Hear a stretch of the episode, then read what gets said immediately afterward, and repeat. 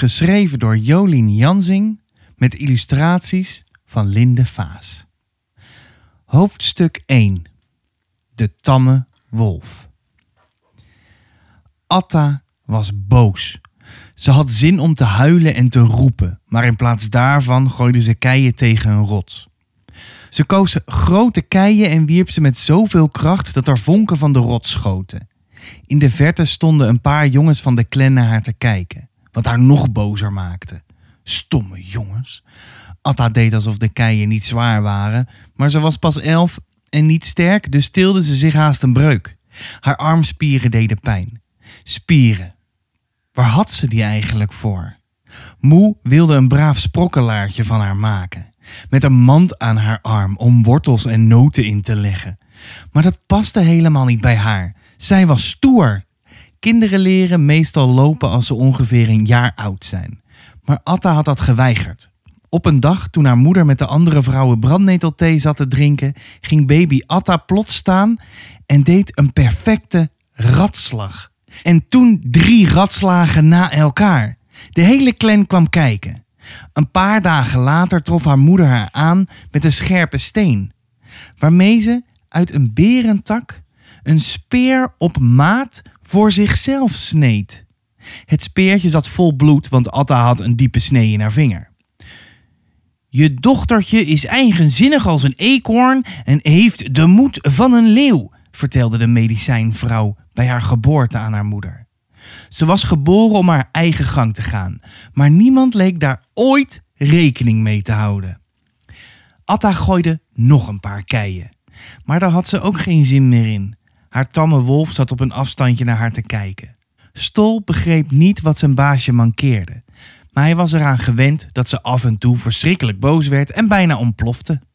Hij vergaf het haar graag, want voor hem was ze het beste baasje ooit.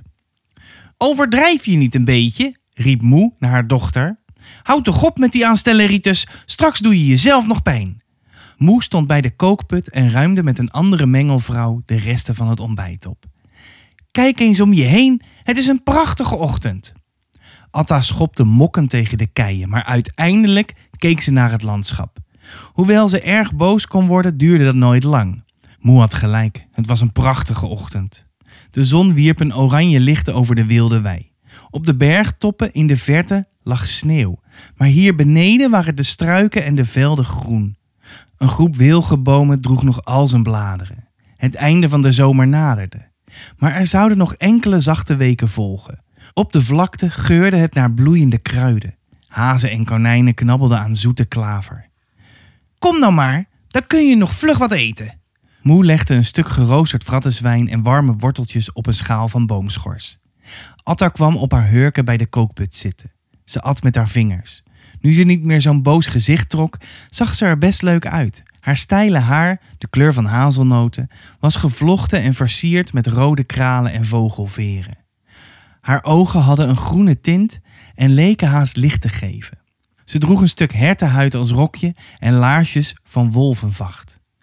Rond elke bovenarm had ze net als de oudere jongens een veter van leer gebonden. Moe legde een deksel van gevlochten varens over de takken van de kookput, zodat het hout de hele dag zou blijven smeulen. Ze bond haar lange donkere krullen bijeen. Een eindje verderop maakte de rest van de clan zich klaar voor de dagtaak. De vrouwen stonden te kletsen en een klein meisje liet haar vriendinnen de nieuwe ketting zien die ze had gemaakt. Een leren snoer waaraan een eekhoornstaart hing. Atta's omoe stond er ook bij. Ze was oud en leunde op een dikke stok. Een groepje mannen en jongens wreven met hun vingertoppen strepen gele modder gemengd met vratte zwijnenvet op elkaars gezicht. Er liepen een paar tamme wolven om hen heen. Hé, hey, mager kalf! riep een van de grote jongens naar Atta. Het was Wildo, haar oudste broer, en hij kwam dichterbij. Schiet eens op, we moeten vertrekken en jij ook. Atta stak haar tong zo ver uit dat ze daarna even moest voelen of hij er nog wel aan zat. Ze had helemaal geen zin om met de vrouwen op stap te gaan.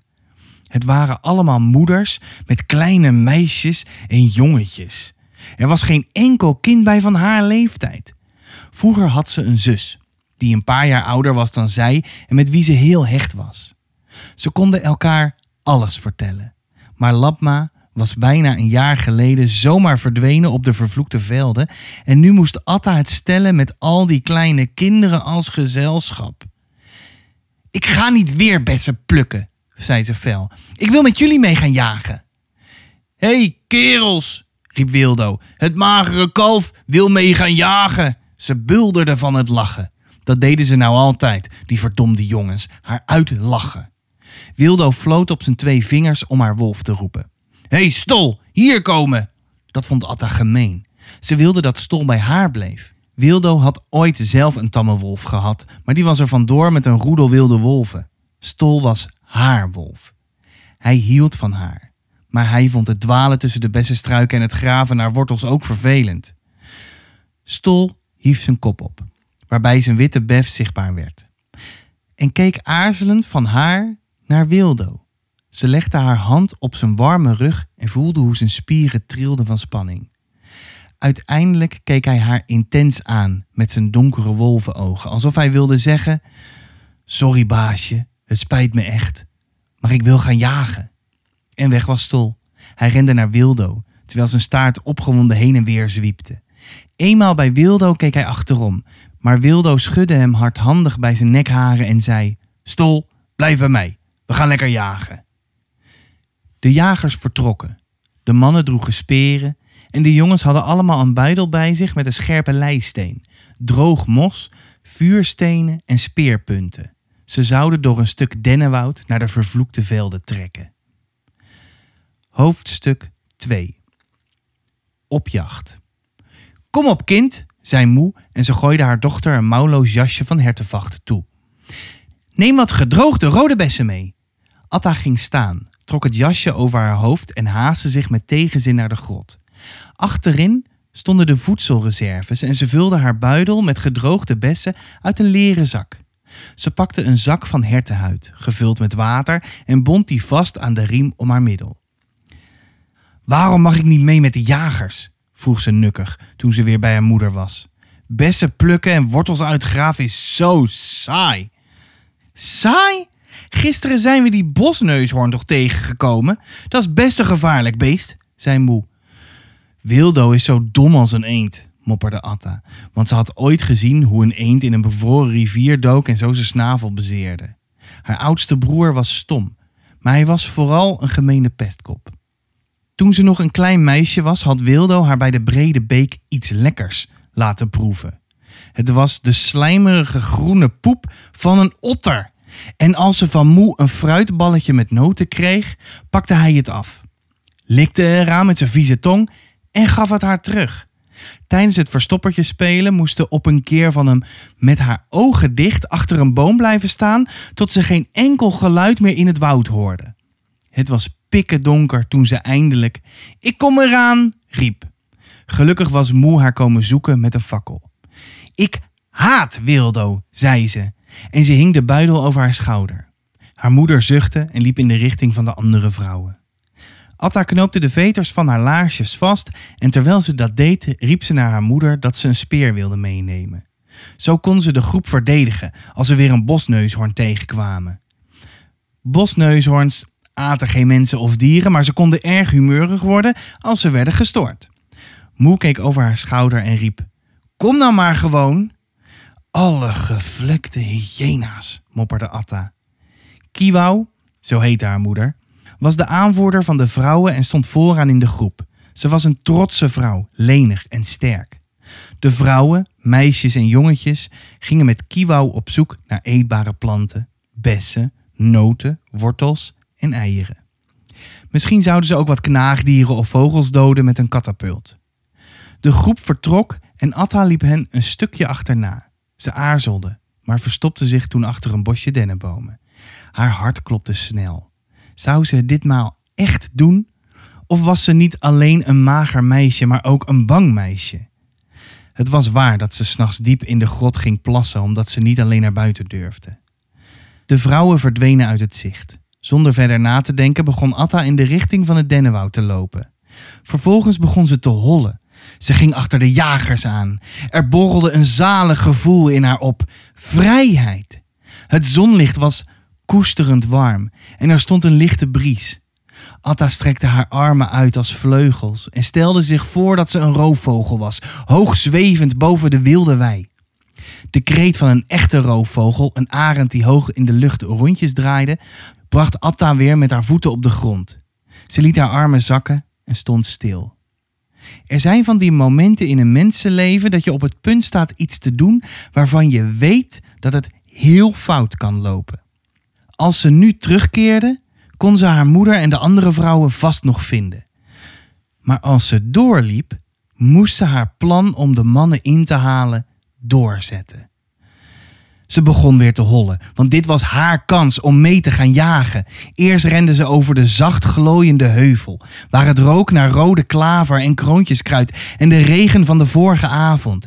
Eenmaal in het woud liep ze langzamer, want daar kon je makkelijk struikelen over de wortels van een boom of een dode tak. Het was er koel en vochtig. Op een open plek kwam Stol plots blij naar haar toe rennen en hij sprong tegen haar aan. Er verscheen een jongensgezicht boven een struik. Het was Wildo en hij trok verbijsterd zijn wenkbrauwen op. Het is het magere kalf, riep hij naar de mannen. Niet te geloven, ze is ons gevolgd. De jongens kwamen één voor één achter de bomen vandaan. Haran, de aanvoerder van hun clan, kwam aangelopen. Hij had een zwarte baard en een boosaardige grijns. Zijn bovenarmen waren zo gespierd en zijn handen zo groot dat hij met gemak een hyena had kunnen wurgen. Om elke pols droeg hij wel tien armbanden gemaakt van botten en aan een veter om zijn hals hing een koker waarin, zo werd verteld, het fijn gehakte en gedroogde hart van een beer zat. Wijd en zijd stond Haran bekend als de woesteling en zowel Neanders als wilde wolven vluchtten weg als hij eraan kwam. Atta wist wel beter. In de koker zat enkel wat dons van zijn tamme eend. Die was doodgebeten door een vos. Hoewel Haran moedig en sterk was, was hij ook een schat van een man. Een bloeddorstig beest aan de buitenkant, vriendelijk en verstandig aan de binnenkant. Bovendien had hij een zwak voor armbanden en kettingen en maakte hij zijn ogen op met een stukje zwarte houtskool. Atta en de andere kinderen kregen les van hem en ze vonden hem aardig. Ze wist dat haar moeder en hij lang verliefd op elkaar waren geweest. De woesteling wenkte haar en toen ze bij hem was, onthulde hij zijn tanden alsof hij haar ging verslinden. Maar hij zei vriendelijk: Liefje toch, wat doe je hier? Heeft je moeder je gestuurd? Is er soms iets mis? Ze werd rood als een bloederig konijn en schudde haar hoofd. Ze wil mee gaan jagen, riep een van de jongens spottend. Haran legde zijn hand op haar schouder, waarbij de armbanden om zijn pols kletterden. Hij rook lekker zoet, naar gele brem. Ik kan je niet meer terugsturen, want dan kom je misschien een roofdier tegen. Blijf dus bij ons. Maar als je ons problemen bezorgt, dan heeft dat nare gevolgen. Atta knikte. Zo streng waren de straffen in haar clan niet. Je kreeg een dag geen eten of moest op een stuk leer kauwen om het zacht te maken. Waar gaan we op jagen? vroeg ze onverschrokken. Reuzenherten, zei Wildo. Dat was een teleurstelling. Holenberen of hyena's, dat was pas leuk geweest. Of nog liever, mammoeten. Maar die bevonden zich meestal in het Rijk van Koud. Toen Atta klein was, gingen de jagers naar het zalige meer, omdat daar een kudde bizons kwam drinken. Eén keer was zelfs de hele clan naar het meer gegaan. Maar het zalige meer was nu al een hele tijd opgedroogd en de bizons kwamen aan het einde van de zomer op de vervloekte velden grazen. Ditmaal hadden de jagers hen nog niet gezien. Haar ooms Jaban en Bulo, oudere broers van haar moeder, waren al een paar keer op verkenning gegaan, maar de kudde bleef weg. Dat was slecht nieuws, want bizons waren groot en hadden veel vlees aan hun botten. Bovendien was hun vacht zacht en dik. Een reuzenhert of een vrattenzwijn was ook een goede prooi, maar de clan had dringend bizons nodig. Er waren twee baby's geboren en de moeders moesten meer eten om ze de borst te kunnen geven. Terwijl de mannen nog een laatste maal hun speren en dolken inspecteerden, nam Haran de jongens en Atta apart. Jonge jagers, zei hij, als de zon hoog aan de hemel staat, gaan jullie het woud in. Met telkens ongeveer zoveel plaats tussen jullie in als vijf bomen naast elkaar. Het is jammer, maar jullie zullen de zalige rust in het woud moeten verstoren. Maak onverdovend lawaai om de herten en vrattenzwijnen naar de andere kant van het woud te jagen, daar waar de brede beek loopt en de vervloekte velden beginnen. Wij mannen wachten ze op. Kunnen we niet beter naar het zalige meer? vroeg Atta. Misschien is er weer water en gaat de kudde bisons daarheen. Atta, liefje. Haran schudde een tikkeltje geërgerd zijn vele vlechtjes. Ik heb met eigen ogen gezien dat er geen water in het meer staat. En een meer dat opgedroogd is, wordt niet meer gevuld. Dat vond Atta net zo dwaas als beweren dat een beer maar eenmaal poept in zijn leven. Maar ze begreep dat dit niet het moment was om te kibbelen. Haran gaf Wildo twee reservesperen die met een leren riem bijeengebonden zaten. Niet mee jagen, alleen dragen, zei hij met een knipoog. Hoofdstuk 3 Stank en slijm. Toen de mannen vertrokken waren, gingen Atta en de jongens op de zandgrond zitten. Okon, de enige jongen die ze aardig vond, deelde dikke gele wortels uit. Hij was leuk om te zien en best stoer, maar toch plaagden de andere jongens hem soms. Hij kon niet zwemmen en was bang voor waterplassen en rivieren. Daar kwam hij eerlijk voor uit, wat Atta schattig vond. Ze had een hekel aan opscheppers, hoewel ze wist dat ze zelf ook een beetje een opscheppertje was. Stol kreeg een kleine bot dat ze in haar buidel had. Hij strekte zich uit en begon gezellig te kauwen. Kon je niet bij je moeder blijven? mopperde Ros tegen Atta. Je zult ons vast ophouden. Denk maar niet dat we je komen redden als er een vrattenzwijn achter je aan zit. Waarom mogen we eigenlijk niet jagen met de speren? katte Atta. Ze ging rechter zitten. Jij vertelt toch altijd dat je al kunt jagen, wildo? Liegbeest. En plagend zong ze. Niet mee jagen, alleen dragen. Wildo bloosde diep en wilde iets terugzeggen, maar Okon maakte sussende geluiden. Kom, rustig iedereen. Laten we geen ruzie maken. Okon ging met zijn vingers door zijn stugge bruine haar. Hij veegde wat aarde van zijn wortel af en begon erop te knabbelen, waaraan ze allemaal zijn voorbeeld volgden. Na wat een eeuwigheid leek, keek Okon met zijn hand boven zijn ogen naar de zon. Makkers, het is tijd. We gaan. Ze stelden zich op, de breedte van vijf dennenbomen tussen hen in. Daar gingen ze, klaar om de wilde dieren op te jagen. De jongens slaakten allerlei wilde kreten die Atta nooit eerder had gehoord. Zwot, zwat, zwoet en haha hoei. Ze deed stoer mee, klapte luid in haar handen en verzon zelf ook een paar kreten. Atta, de wilde beestenjager. Stol liep naast haar. Dit was zo opwindend. De takken kraakten onder hun voeten en vogels fladderden geschrokken op uit de bomen. De jongen stapte stevig door en na een tijdje kon ze hen nog amper bijhouden. Ze verloor ze bijna uit het oog, maar Wildo stond haar op te wachten en gaf haar geërgerd een duw in de rug. Net toen Atta hem een stamp terug wilde geven, zag ze een hinde wegrennen. Een kleintje maar. En meteen daarna rende er paniekerig, krijzend en knorrend een vrattenzwijn met zes sproetige biggen voor hen uit. Toen ze de rand van het woud naderden, begonnen de jongens langzamer te lopen. De bomen stonden hier verder uiteen en er viel meer zonlicht naar binnen. Atta hield stil. Wat hoorden ze? Een vreemd geroffel. De grond leek te daveren. Alle glibberige otters. Ze hield haar hand op. Ik hoor grote dieren. Het zijn er twee. Geen bisons, veel groter. Wildo trok zijn wenkbrauwen op. Want hij hoorde niets. Maar hij wist dat Atta goede oren had. Ze hielden allemaal instinctief hun pas in. Maar ze moesten wel het woud uit. De jagers stonden te wachten. Atta en de jongens naderden de laatste berken en dennen en daarachter lagen de vervloekte velden en stroomde de brede beek. Het was inderdaad geen kudde bisons die vooruit draafden. Atta slaakte een kreet van schrik.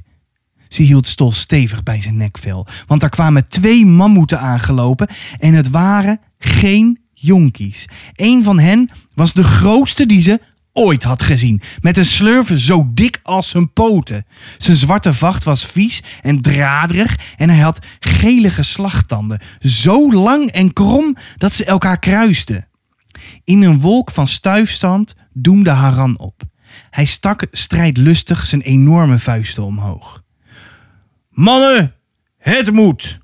Atta wist wat hij bedoelde. De clan had honger, ze hadden vlees nodig. Er hing van alles tussen de achterpoten van de mammoeten, dus het waren mannetjes. De grote mammoet bleef wat op de achtergrond staan, maar de anderen draafden nerveus heen en weer voor de bosrand. Wildo en de andere jongens en mannen schuilden tussen de bomen, maar Haran ging de strijd aan. De nerveuze mammoet verstijfde even. Zelfs hij schrok van de woesteling. Hij keerde zich om en draafde weer de andere richting uit. Ineens liep Okon stoer met veel geschreeuw het woud uit. Hij hield een van de reservesperen vast en wachtte de dravende mammoet op. Het beest trompetterde als een gek en trok zijn donkere oogjes zo wijd mogelijk open. Okon stond klaar met zijn speer. Atta hield haar adem in. Zou het Okon lukken? De mammoet stijgerde als een paard, met zijn enorme voorpoten maaiend in de lucht en zijn gigantische kop in zijn nek. Als hij neerkwam, kon hij Okon onder zijn voetzolen verpletteren. Tenzij Okon zo slim was om, als het beest naar beneden kwam, zijn speer in de borst te boren en weg te springen. Maar Okon deed iets stoms. Hij spande zijn spieren wachtte niet op het goede moment en wierp de speer naar de mammoet. Hij had net zo goed een eikel of een wortel kunnen gooien, want het had geen enkel effect. De speer bleef even in de warrige vacht hangen en viel toen op de grond. Het trompetteren werd oorverdovend en de voorpoten van het beest kwamen naar beneden. Atta sloot haar ogen. Dit was te erg. Toen ze haar ogen weer opende, zag ze dat Haran zwaaiend springend en schreeuwend de aandacht van de mammoet trok. Okon had net op tijd kunnen vluchten en kwam naast haar tussen de bomen staan. Hij beefde als een bibberige woelmuis en ze legde haar hand in de zijne. Het liefst had ze hem een troostende zoen op zijn wang gegeven, maar dat zou moeten wachten. Zijn bezweten hand kneep de haren haast tot moes. Samen keken ze toe hoe Haran zijn speer met grote kracht in de flank van de mammoet plantte. Het dier liet een diep gerommel horen. Wat maakte dat de andere mammoet hem te hulp schoot. Jaban, Boelo, riep Haran. Pak die groot aan. Atta's ooms bleven beschaamd en met hangende schouders tussen de bomen staan. Lafaards, riep Atta. Op dat moment zag ze de speer die Okon op de grond had laten vallen. Die moest ze hebben. Ik doe mee, fluisterde ze tegen zichzelf. Ik Ga een mammoet doden. De gewonde mammoet probeerde met zijn slurf de speer uit zijn flank te trekken en de grote mammoet kwam Harans kant op. Houd stol bij zijn nekvel, laat hem niet los, zei Atta tegen Okon, waarna ze het veld opliep en het opstuivende zand in haar ogen voelde prikken. Nee, Atta, hoorde ze hun leider roepen, maar ze moest dit gewoon doen. Ze was geen klein meisje. Ze was Atta, de mammoetjager. Terwijl Haran Terugtrekken in het woud, riep, rende ze op het grootste beest af. Ze was doodsbang, maar krijste al haar angst uit haar lijf. Op enkele meters afstand hield ze stil. De hete, walgelijke mammoetstank kwam haar tegemoet. Het beest merkte haar op, maar besteedde nauwelijks aandacht aan haar. Hij dacht vast dat ze hem geen kwaad kon doen, omdat ze een meisje was. Kom op dan, schreeuwde ze, stom beest, Kom op als je durft. Ze stampte als een gek met haar rechtervoet op de grond en hield toen haar speer schuin omhoog in de richting van de grote mammoet. Hij zou vast op zijn achterpoten gaan staan en dan neerkomen op de scherpe punt. Kalf, kom terug, hoorde ze roepen. Dat was Wildo. Maakte het hem soms uit wat er met haar gebeurde? Haran riep: Atta, tussen de bomen, nu! De mammoetstier draaide zich naar haar om. Hij was immens. Er hing allerlei aangekoekte viezigheid in zijn baard en zijn kleine oren zaten vol smurrie. Hij zwaaide razend met zijn slurf en trompetterde erop los. Maar net toen Atta verwachtte dat hij op zijn achterpoten zou gaan staan, liep hij haar straal voorbij. Huh? Het beest liep naar het woud, waar Haran en de rest zich schuilhielden en probeerde de mannen met zijn slurf te pakken. Toen dat niet lukte, begon hij nijdig een dennenboom uit de grond te rukken. Atta! hoorde ze Haran roepen, maar ze gaf zich niet zo makkelijk gewonnen. Dat de mammoet haar geen aandacht gaf, was een vernedering. Wildo en zijn vrienden zouden haar er vast eeuwig mee pesten. Ze renden achter het beest aan en maakte zich klaar om haar speer in zijn kolossale kont te prikken. Aanvallen. Het lukte niet. Zijn kont zat veel te hoog. De speer bleef halverwege achteraan in een van zijn bovenbenen steken. De mammoet zwiepte met zijn staart alsof er een lastige vlieg zat. Op dat moment rukte Stol zich los en kwam het bos uitrennen. Nee, gilde Atta, maar het was al te laat. Stol wilde haar verdedigen en liep naar de mammoet. Het beest keek verbaasd naar de wolf en Stol ontblootte zijn tanden en gromde dreigend. Met een vlugge beweging pakte de mammoet Stol met zijn slurf en zwierde hem wel tien keer razendsnel in het rond, waarna hij hem losliet. Stol vloog jankend door de lucht en kwam met een smak neer aan de overkant van de brede beek. Hij bleef roerloos liggen. Nee, was hij dood? Atta stond op het punt om in huilen uit te barsten toen Stol zijn kop ophief en klaaglijk jankte. Atta wilde naar hem toe gaan, maar eerst moest ze met de mammoet afrekenen. Ze pakte de speer stevig vast en rende op het beest af. Hurra! gilde ze wild en ditmaal wierp ze de speer met zoveel kracht dat hij in een bil van de mammoet bleef zitten. Het beest draaide zich om, zo vlug als een hert. Wie had hem zo durven plagen? Zijn diep liggende donkere oogjes keken haar recht aan. Hij was zo dichtbij dat ze zijn zurige adem voelde. Er vlogen druppels speeksel in haar gezicht. Nu trapt hij me dood, dacht Atta, verlamd van schrik. Hoe kon ze zich verdedigen zonder wapen? Er kwam geen geluid uit het bos. Blijkbaar hielden de anderen ook hun adem in. Het was sterker dan haarzelf. Ze moest hier weg. Ze draaide zich om en begon te rennen. Niks Atta de mammoetjager, niks Atta de krijger, maar Atta die rende voor haar leven. Hier, Atta! hoorde ze Haran roepen, maar ze liep niet naar de bosrand. Ze rende over de vervloekte velden met de mammoet achter haar aan. Zo, oei, wat spannend. Uh, ik heb het al een keer gelezen, maar ik denk dat ik dus gewoon ja, verder ga lezen. Maar dan zonder microfoon. Uh, ja, maar even, wat denk jij? Wat gaat er met Atta gebeuren? Rent ze weg om nooit meer terug te komen? Of uh, wordt ze vertrappeld door de mammoet? Of vindt ze water bij het zalige meer? met die bison en zo? Of Mm, ja, er kan eigenlijk echt uh, superveel gebeuren. Dus wat ik aanraad is uh, naar de boekhandel gaan of uh, de Biep en haal Atta en ga gewoon lekker lezen. Yes? Nou, doei!